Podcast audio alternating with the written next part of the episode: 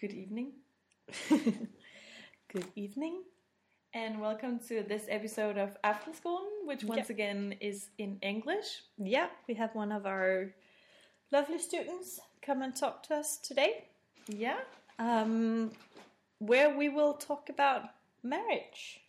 yes. So um, today we're going to talk, as you said, uh, Sarah, about marriage, but um, looking at it a little bit differently.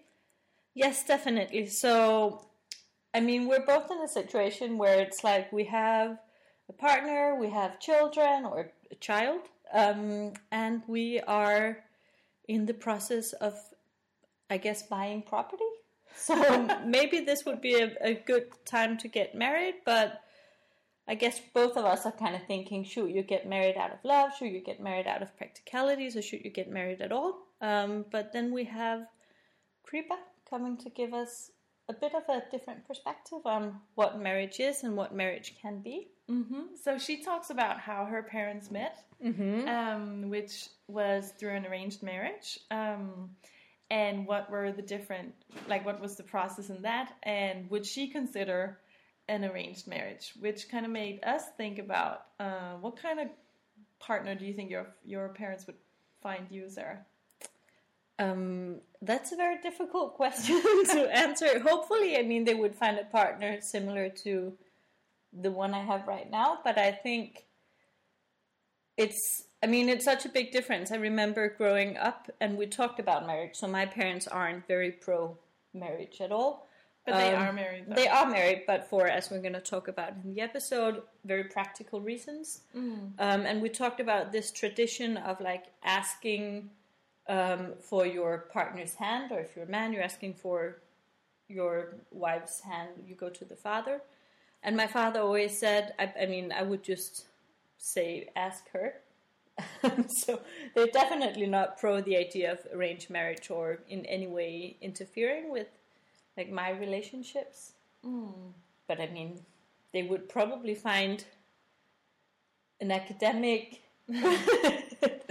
um, with I don't know a, a good family, As we all whatever. Yeah. whatever that is. Who do you think your parents would choose for you? Um, I think. Well, I once had a boyfriend who was a doctor, Mhm. and I think my dad he had kind of a. He was he was pretty into him Yeah, um, for being a doctor, and now I think they're pretty into my my current, well, and forever boyfriend, the father of your child. Yeah, exactly. Not that I'm gonna change him.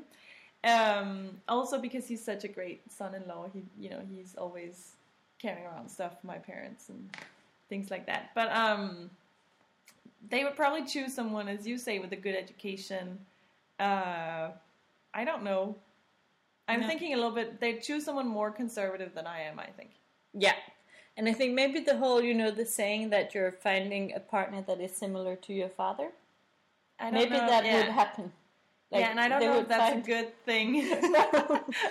a partner that would be similar to, yeah, my own father. yeah, I think my so Dino, my partner now, he's very different from my dad. Yeah. Yeah, so I think if he would cast someone, that would probably be another kind of guy. A doctor yeah, doctor. who Yeah, could buy his practice. exactly. Yeah, Yeah. that would be ideal. hmm Um, but I mean, it looks like we don't have to deal with those questions. Yeah, because we found we found one already, so now we're just contemplating whether or not we should ask them to marry us. Exactly. So Um, where to go next in in life, and maybe this could work as an input on whether or not to to choose marriage. Yes. So welcome. Welcome. I hope you will enjoy the episode.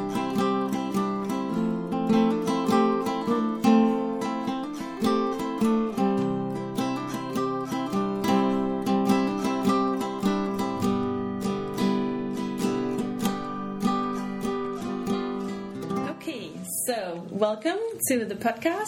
Hi, Sarah. Hi, Kripa. Hi, Ine. we have a guest here today um, who's going to talk about marriage. Um, we'll talk about both your parents' story, who has, for at least Danish um, standards, quite a um, quite a Unique. unique or special story of how they met and how their marriage is now um, going, and uh, then we'll talk a little bit about your views on marriage and queer marriage as well. So thank you so much for coming, Kripa. Thank you so much. Um, but before we get to that, we have this tradition where we always ask our guests um, how they became feminists. Um, so we would very much like to hear from you as well. How did you become a feminist? Yeah, so I became a feminist in a way I think that very much tied with my ethnic identity because growing up in elementary school, I was one of the only students of color. And one day it was Diwali, and I showed up in this like little outfit because you get new clothes for Diwali, and I wanted to wear my cultural clothes to school. And somebody asked me why I was doing that and why I was like kind of bringing my religion into a space that didn't need to be about religion. And I think for me, it was about kind of realizing that it was my responsibility to stand up not for just me, but also for other women of color, other people who have been told that what they're doing is incorrect for no reason other than that it wasn't what was supposed to be done. And so I think that from there on, I kind of started speaking out a little bit more in lesser ways when I was in elementary school and middle school mm-hmm. because I was still kind of figuring out what I wanted. But in high school, I was very much involved with a lot of feminist organizations. And in college now, I'm at a women's college, so everybody's kind of a feminist. Hard not to be a feminist. it's hard not to be a feminist, but I think here um, in college and also like in Denmark, it's just kind of making sure that in these little ways, in these subtle ways, when things happen, like not just staying quiet. So my feminism is very much about recognizing the moments of intervention and capitalizing on them. Very cool. Um, so before we start, could you tell us a little bit about your background? Yeah, so my background in terms of why I wanted to talk about marriage is because my parents had an arranged marriage. My mom grew up in Nairobi, Kenya, and my dad grew up in Dar es Salaam, Tanzania. And they had kind of a typical arranged marriage story in which my dad was studying to become a pharmacist. He went to school in Manchester and then in Canada, and then finally grad school in Stockton in California. And before he finally settled down in California, he wanted to get married. And so he kind of started beginning the process of looking for suitable partners, in which apparently my grandma once said, like, you need to stop being picky. Like, nobody's going to want to marry you, so, like, you just need to, like, settle down. Okay, the hopes weren't too But he high. doesn't sound like, I mean, grew up in all these places, took this great education. I mean, who would want to marry a guy like that, right? yeah, no, couldn't, like couldn't explain. but So, because you're also ethnic Indians, you I am, right? Yes, I am ethnically Indian. Mm-hmm. And so they kind of, he began this process where he was sent a lot of bio data of people, like you would get pictures and maybe like a little summary about this person, about like what their educational background was, where they grew up, their caste, their like vegetarian status, their smoking status, their alcohol use, all of these things. Mm, and you would Lots have of to, ideas for drop down menus for Tinder. Oh, absolutely. Yeah. I think like on OKCupid, you can like say some of these things. So mm-hmm. maybe we should just maybe just all sites should be like this. You Yeah. should know everything about a person before you start anything.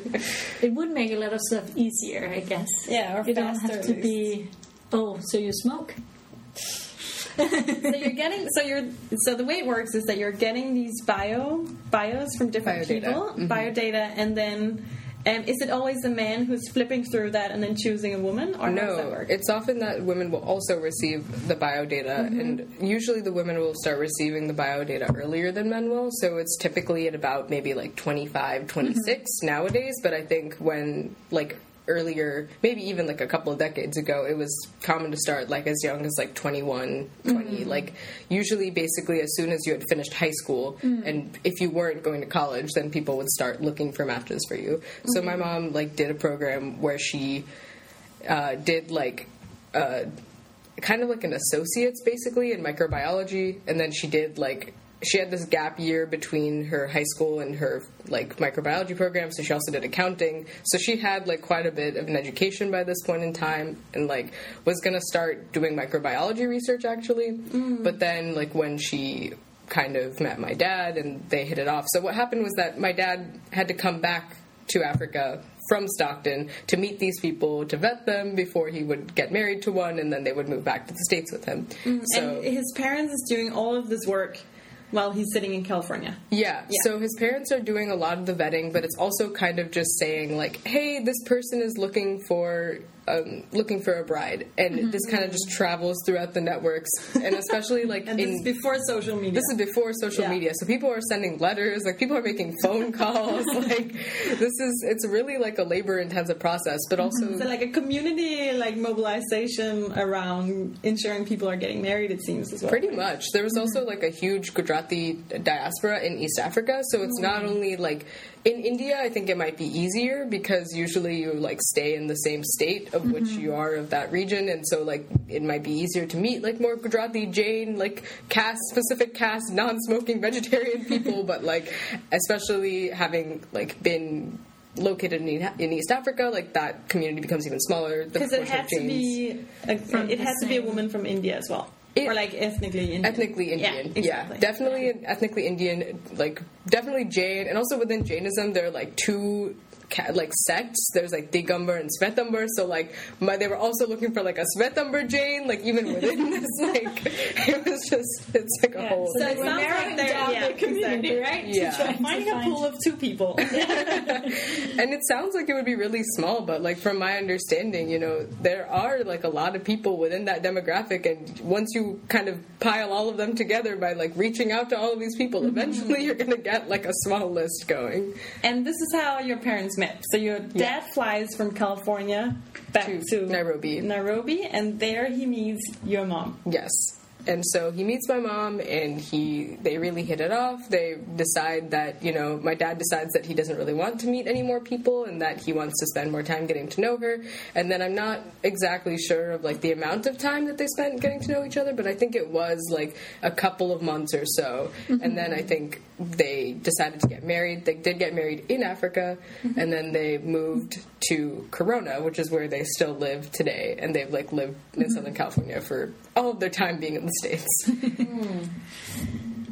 Great. Yeah. Um, so, how do that fit with your own future? Like, could you see yourself becoming married in this? Like, I think when I was younger, I really didn't want to be. I thought that, you know, this is so archaic. And, like, as I was having my feminist awakening, I was like, this is so mm-hmm. inherently misogynistic. And I, you know, don't like that basically a lot of the times, like, men can decide that. There's a lot of cases where, like, let's say a guy is like lives in New Jersey, and the girl that mm-hmm. he's meeting is in California, and he'll be like, "I don't want to move to California. You have to move to New Jersey." And so she's just kind of like, "Well, like, I don't want to go on a date with you, and also have to make this major decision about whether I want to like completely uproot my life and move to New mm-hmm. Jersey." So I was just like, "This seems so, you know, terrible." And I think as I grew up and like as I saw a lot of the relationships that are arranged marriages around me like stay together and do really well and a lot of my family members that have had arranged marriages have kids now like seem really happy. And also seeing like a lot of the marriages of my friends whose parents had love marriages fall apart i was just kind of like maybe this doesn't seem like a terrible idea. Maybe this seems like something that can genuinely work because you're deciding to make it work. And i think that every marriage has that but when you sign off up front that your purpose is marriage and that your purpose is to stay together you better stay together.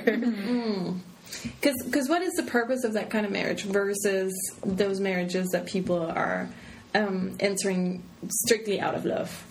I think you're trying to make a commitment of love to somebody, but I think that love. I don't know how people define love. Like, I think that that's so variable and so dependent from person to person. And, like, you're marrying somebody out of love to show commitment that you love them, but I feel like it's kind of this recursive circle. Mm-hmm. Whereas I feel like a lot of arranged marriages are to make sure that you have somebody to share your, your life with. And I think that all marriages do accomplish that, but I think the purpose is very explicitly like you are sharing your life with somebody you can take care of each other in old age you can like provide for all of the ancestors and people that have helped get you here also by like mm-hmm. forming this partnership mm. yeah, because I mean, it becomes about the entire family, right? As you, mm-hmm. like as you said, the parents are involved, the whole community is involved, and mm. everyone kind of talks about this this marriage that is going to happen. So, like, can you maybe talk a little bit about that? Just how it's not just two people meeting, falling in love, marrying, blah blah blah, having children, but yeah, it's more than that. Yeah, so it's very much about so if your parents start this process of looking for you and start sending out bio data and maybe they'll create like now they might be creating online dating profiles for you and like vetting all of these people. So immediately like they're choosing who you meet and they're choosing who they would like for you to meet. Mm-hmm. So one of those initial hurdles of just like well my family like this person is kind of already cut off. But also you have to know that you're also doing that for the other person's family. So, like, that person's family is deciding that they like you and they could see you being a part of their family and they can see you coming to all of their holidays. And, you know, if you're a, like, heterosexual woman marrying a heterosexual man, then, like, you'll, you're going to be cooking with his mom, like, on all of the religious holidays. Like, mm-hmm. that's kind of the expectation that it's not just that, you know, you love each other and that you will have kids together and have a family. It's mm-hmm. that you are now part of this network that's so much larger than you and you have to mm-hmm. figure out a way to integrate yourself. It's like two families are uniting, Merging, yeah. two people. Yeah. Yeah, whereas I think here it's like if you don't like the family, you'll just try to avoid them. Yeah. as much as possible, right? Yeah. If, um, so I guess that's like you're you're buying into a whole different kind of community. But I'm also thinking.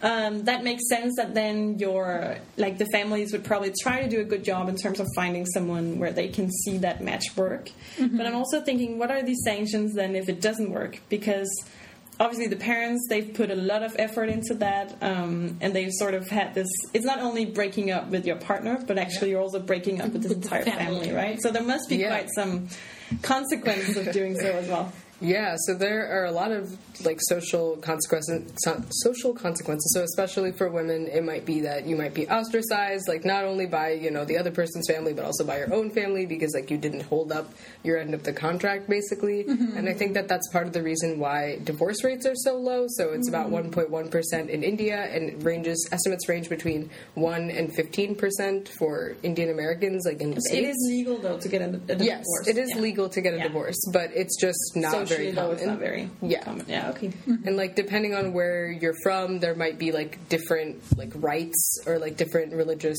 events that might have to happen, and they might end up compromising the woman's safety in some way.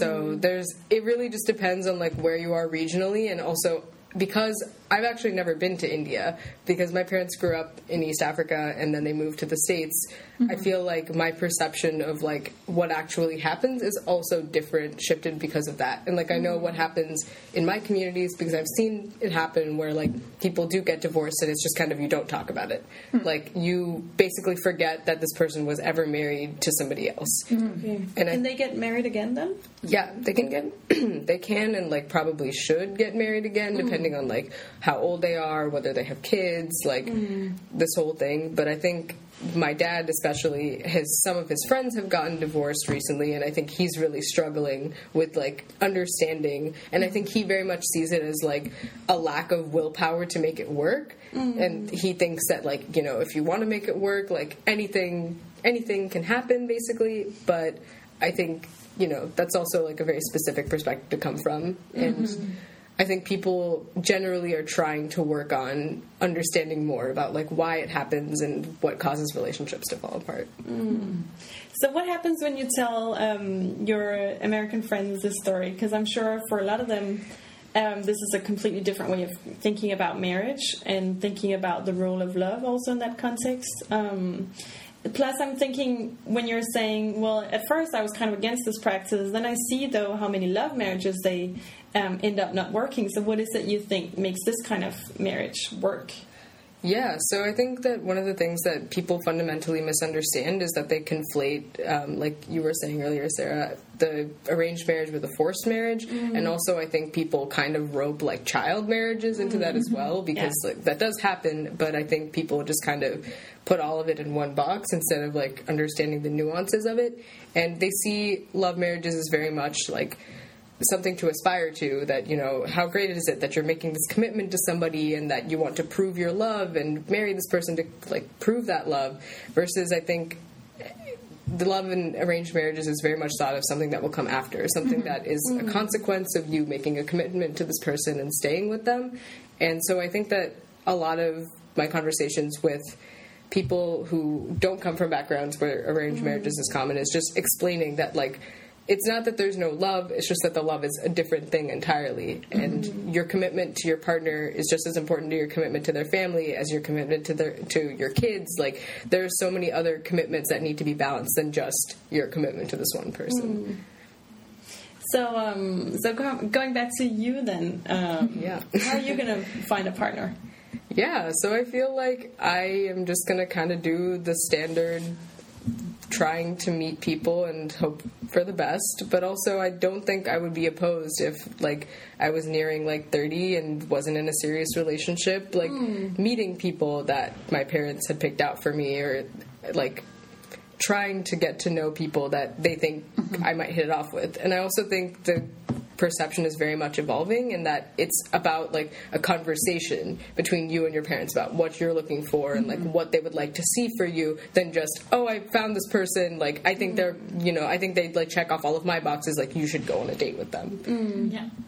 Which is basically what you do when you meet someone Yeah. online, right? yeah yeah, yeah. You talk to them for a while and then you kind of decide if you want to be in a relationship. And then, like, onwards if you want to get married or not. But But I'm also thinking it sounds like you have a pretty good relationship then with your parents if you're if you have that freedom to say, well, guys, maybe you could help me out in this. This is what I'm looking for. Whereas um, for other people that might be different. So the the I'm thinking.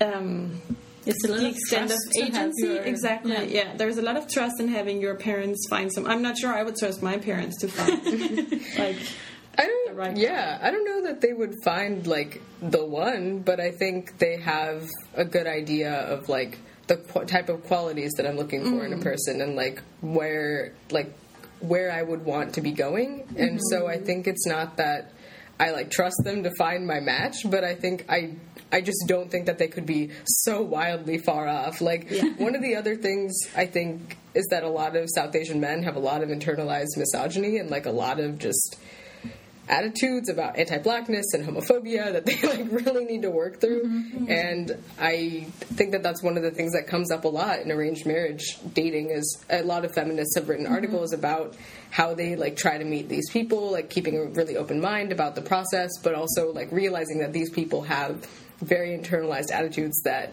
they probably don't even realize that they have because maybe not dating the general pool of women they don't have to confront these attitudes Yeah. How is it with? I mean, before we started recording, we talked a little bit about um, uh, queer marriages in in this format. Is that a possibility? Can you like in your bio data check the box saying I'm looking for same sex marriages or Yeah, so you can actually. Well, not necessarily on all sites and not necessarily in all ways, but there has been a rising trend of people seeking same sex arranged is marriages. this is happening online? This is happening Yeah. online. Yeah. Yeah. I think the one there's one case where it was in a newspaper and there was a lot of international backlash against this newspaper ad mm. because in the ad it did ask for like caste and for religion and for smoking status and a lot of people thought that these this was very backwards and like very invasive questioning but they also didn't really have the context of knowing that this is how all arranged marriage ads are and this was mm-hmm. just kind of different in that it was a man seeking a man. So I think people are still using this like concept and this framework of what marriage is and just kind of applying it to queer marriages, which is really interesting given that I think a lot of parents a lot of South Asian parents are still like grappling with homophobia and are still grappling with transphobia and all of these other attitudes. So it's interesting to see like when in what cases it is and is not working. Mm. So I guess it also depends, of course, on the on that particular local community mm-hmm. Yeah. and how accepted that would be. So um, we also talked a little bit about, you know, how uh, you were saying how some of your friends they couldn't really understand where you're coming from or where your parents are coming from, maybe more so, um, and the whole concept of um, arranged versus forced marriage and so on. But at the same time, though. Um, it sounds like some of the things that you're doing is not that far off from one from Tinder or like other Yeah, yeah. online dating um, apps. But secondly, I'm thinking also, as we were saying before, like reality shows where the whole storyline is about marriage, at- marriage. at first sight, Yeah. right? Mm-hmm. And we think about it differently because it's essentially two white people getting married. Um, coming from a context of we don't know what, but at least they mm-hmm. weren't able to, you know, find anyone else up until now.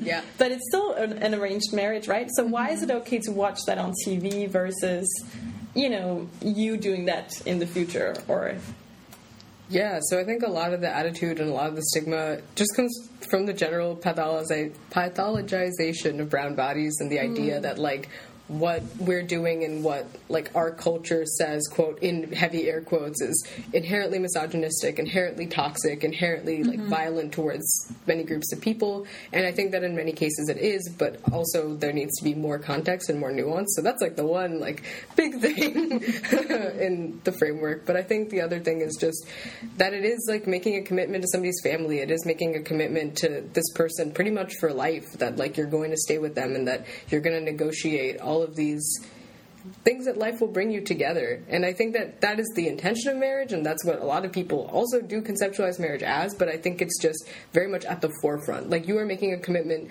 to marriage up front. And I haven't watched these shows, so like I, I don't know the exact context, and I don't know if they're like I'm sure they're allowed to get out of it if they. Like, Yeah, I mean the whole the whole concept is like you get married the first time you meet, and then I think it's after three months or something you have to decide whether you want to get a divorce or not. And in that mm-hmm. period, you talk to marriage counselors and you live together. And yeah, so I mean the idea is basically what you're saying that you can like love can grow out of commitment, basically. Mm-hmm. So yeah, you have to decide whether you want to stay in that commitment or not, which I guess is the difference, right? As Yeah. we, I mean well, I mean, in Denmark, divorce rates are what fifty-four percent or something of mm-hmm. all marriages. So the whole idea of a marriage is not, I guess, as serious. You can always there's always the, the opportunity of being divorced at the end, right? Where when divorce rates are what zero point one percent, as Yeah. you said in, in India, something, and it's not, as you're also saying, you're not divorcing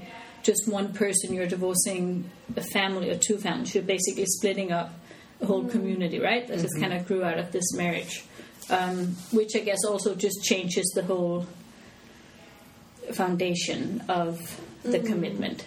Basically, that you Yeah. don't have like an easy way out. It's not an easy way out. Whereas with the marriage at first sight show, it's always in the back of your head. We're just playing marriage, right? Because we don't really have to that. decide Yeah, yeah.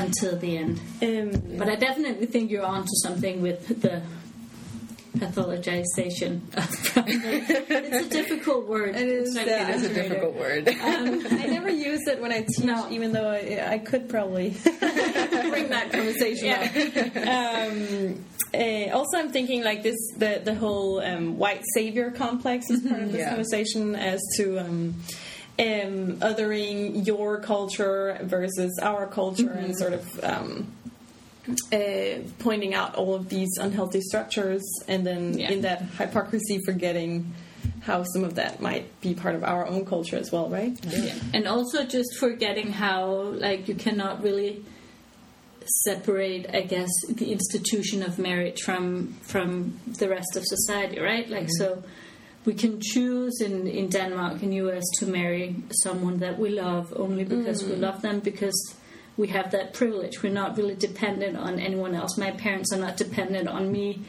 finding a husband um, who has a good family and who has money enough to take care of them when they grow up because I mean we have a welfare society and, and they can take care of themselves so I mean that's a privilege in itself right?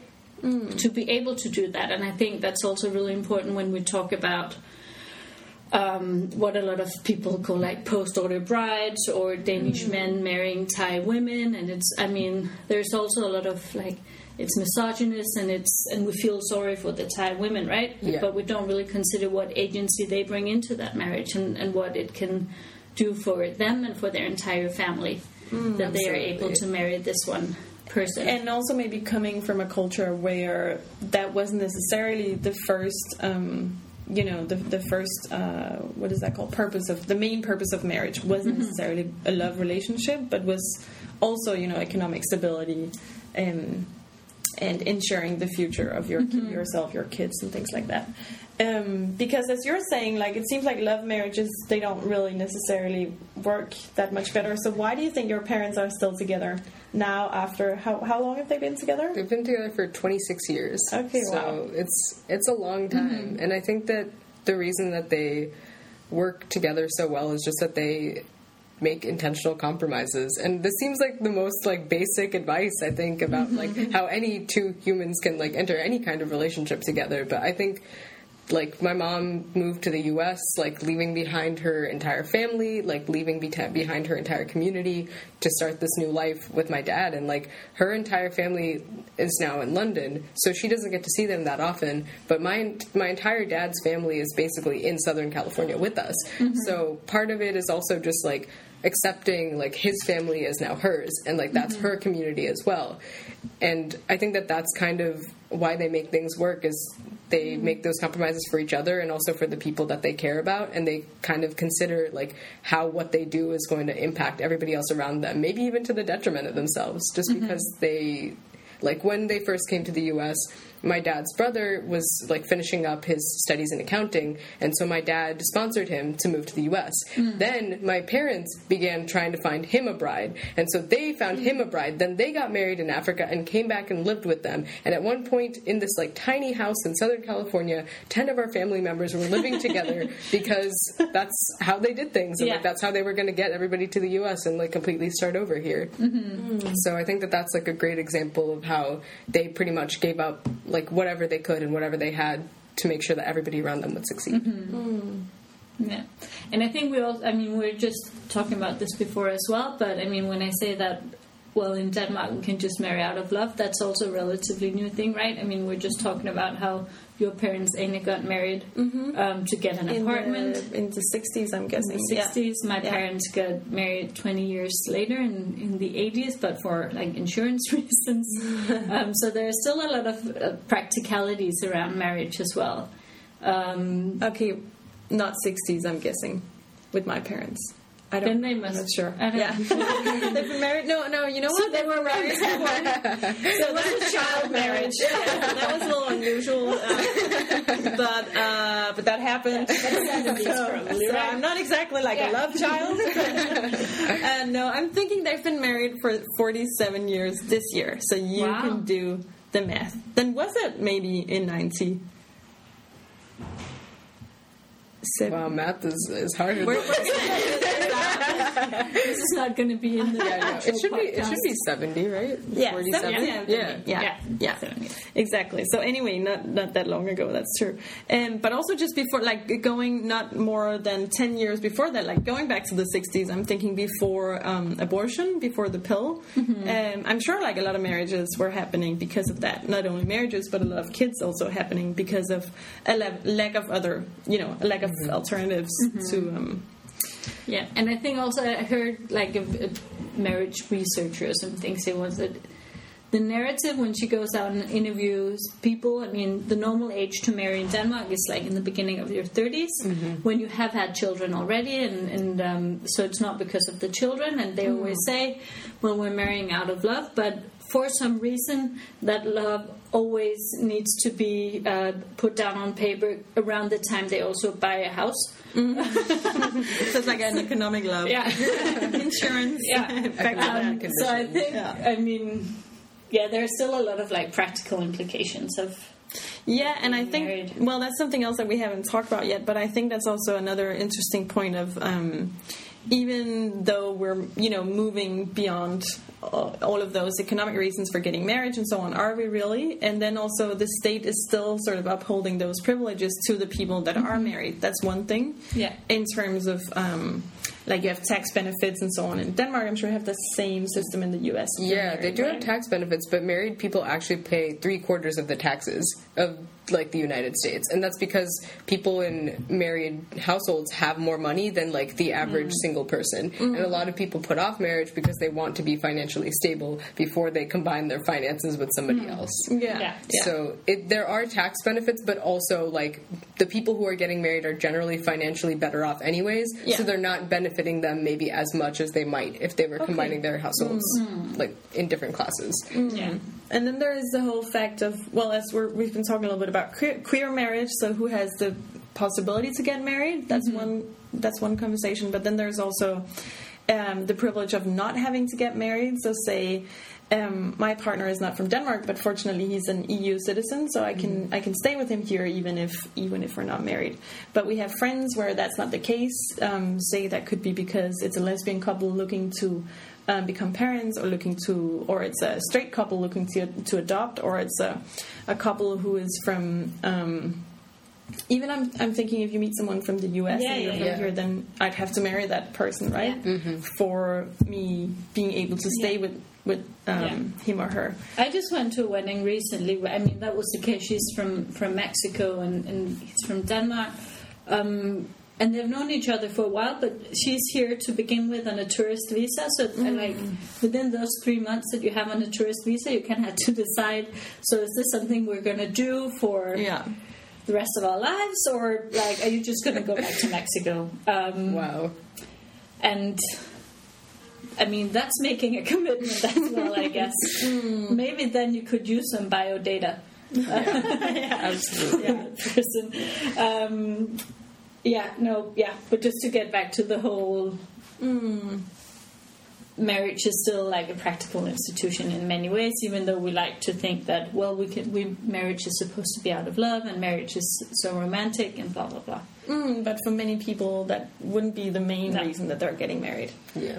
Um, so I think we should um, move on to our advice part. Yeah, or maybe we could just talk a little bit about um, Or should we talk? We'll talk a little bit more, out, yeah, yeah, more talk a little about bit queer marriage. queer marriage, yeah, Yeah, because okay, yeah, we let's only start that. have Yeah. half an hour, so we're Okay, great. So we have plenty of time. Um, so can we formulate this into Um, a question? Here will be a little jingle. Um, okay, so uh, so um, another thing that we wanted to talk about was um, but try to stop just Yeah. because I was laughing while you were starting the question. Okay. So just to make it a little to bit make it easier to edit. Um, so you're talking a lot about marriage as a way to form communities around families. Um, and we thought that we could talk a little bit about queer marriage as well as a way to form alternative communities around um, different types or different kinds of families. Um, that's one way of looking at it, but could you also talk about queer marriage as being, um, say, a way of assimilating with heteronormativity and, and essentially just adapting to some of those patriarchal structures that goes, you know, they well centuries back. Um, and is is it really so progressive to be fighting for the um, the right to marriage? Yeah, um, I think that in a lot of ways, like especially in the United States, I think a lot of the arguments surrounding same sex marriage is that it is very bourgeois, to say the least, and that, you know, it's generally like white gay men who are middle class that are portrayed as like the ideal model for like who these rights are going to and who they're going to benefit. And I think that in a lot of ways, like we are seeing that people have become complacent and that people kind of thought that like, okay, that's the end of it. Like we don't need to work for more anti-discrimination laws. We don't need to work for more like access to healthcare because we have gay marriage and like that's the great thing. Um, but I think that also people are finding their ways to break down those systems and kind of even within what seems from the outside like very heteronormative marriages form their own structures. And i think especially in rainbow families or in polyamorous relationships where there are multiple partners that are taking maybe taking care of kids maybe like running errands for the household and like balancing that workload in very different ways. I think that we can see a lot of forming new communities and even within like the gay marriage or same-sex marriage or queer marriage that seems very idealistic finding their ways to break down those structures. And i think they're also very similar to the ways that in a lot of indian american communities maybe a lot of spouses parents will take care of kids or do household responsibilities or kind of live live with them to ensure that things in the household go more smoothly. And so i think that even though we think of these things as very disparate concepts and very like opposite ends of the spectrum i think that people create community in whatever ways that are accessible to them and that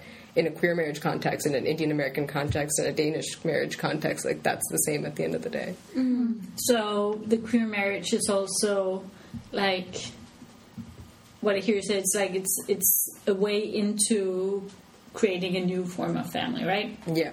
Yeah, that you can do that with the marriage instead of outside of let's say traditional mm-hmm. marriage structures. So it doesn't have to be Like you marry and then you're two parents and two children and you have a little house in the suburbs. There are other ways. Mm-hmm. Yeah, mm-hmm. there are totally different ways. Like mm-hmm. deciding that you want to have a gender neutral household, or deciding that you know you will let your kids like do whatever like sports or dance or you know whatever that they want. I feel like there are so many ways in which you can challenge those expectations, even with within what seems like a very heteronormative marriage and household. Yeah. And as we just like talked about, the marriage is just like something that you sometimes need in order to make your family life work, right? Mm-hmm. If your partner is not like a native to the country you're living in, or if you want to buy a house together and you need to take up a loan or something romantic like that. Mm-hmm. so it's also a way of, of creating creating equality for that family. Yeah, definitely. And I think that there is like a, another debate going on about whether like whether that equality should be something that's aspired to or something that will never really be there in the full extent that we mm-hmm. want it to. So like why even continue to fight for it? Just like live your queer life. But I think that we'll never be able to divorce ourselves from the institutions that surround us. So taking those institutions and adapting them to how they fit your life is to me infinitely more important than like mm-hmm. just being like these institutions are broken and they don't work. Mm-hmm. Yeah, it's always. I mean, I always think also it's a lot of pressure to put on the families who are then not able to live the life that they want because they're like a greater struggle that they need to mm-hmm. to fight for. everyone. what is that struggle if it's like actively hurting people and like mm-hmm. what is that struggle if it's preventing the people that most need that lifestyle from being able to ex- access it But I'm also thinking one of your, um, or it was a good point of saying, um, because I think that's part of the danger of this conversation about, because obviously I'm totally pro marriage equality. Everyone should be able to marry if they want to, whoever they want. Um, definitely, um, legally speaking. But I'm also thinking the thing is that, as you're saying, it becomes this endpoint rather than a beginning of a conversation about um, general right, like all you know, human rights for everybody in general, right? Because I'm thinking that it's not only about um, protecting the right for everybody to get married, but it's also about protecting the right of everybody to live however they want, as you're saying in terms of anti-discrimination laws and things like that. So there are so many other struggles to be having, not to put that whole responsibility on the queer community, but just saying that we don't have equality because we have marriage equality. We have marriage equality. Yeah. That's it. You know what I mean? Yeah. So, um, yeah And within, I guess, the the relationship, there's so many other laws that could be changed that could benefit everyone and not just queer couples, right? I mean, especially queer couples, but everyone. Like, let's say in Denmark, you can only have two legal parents to a child. Having multiple legal parents would be, Yeah. Yeah. I mean, a benefit to a lot of different Yeah. family constructions, right? Yeah, or making it easier in the system as well to see to be like a child has two mothers and Yeah. you don't have to call one dad in like a box that you take, even if it's not a dad and things Yeah. like that. Mm-hmm. Um, Yeah, just the opportunity to have like two mothers and a father, or like if you are not with the father of your child anymore and you find a new male partner and like the three of you are kind of working together in order to to, To parent family. this child, right? yeah. Mm. So, um, moving into the advice part. Yeah, now we can do it. Um, so, Kripa, do you have any marriage advice that you want to give us? Yeah, I think the marriage advice, as somebody who is not married and who's probably not going to be married for a while, uh, is maybe, I guess. Source? Yeah, very reputable, really researched. But I think the big thing is just considering your commitment to somebody. Why are you there? What are you trying to accomplish? What is it about this person that makes you feel like yeah that this we are supposed to be together. And even if the situation that brought you together doesn't seem ideal and maybe even the current confirmation that you're in doesn't seem ideal like what are you trying to do together? And what is what are the ways that you can help yourselves the community around you the people that you're close to based on like your relationship to each other mm-hmm. So, just a little bit to take into consideration. just a small When- lighthearted piece yeah, when getting married. Yeah. Well, thank you so much for visiting us, and um, thank you for your thoughts and stories on marriage. Yeah. yeah thank you for having me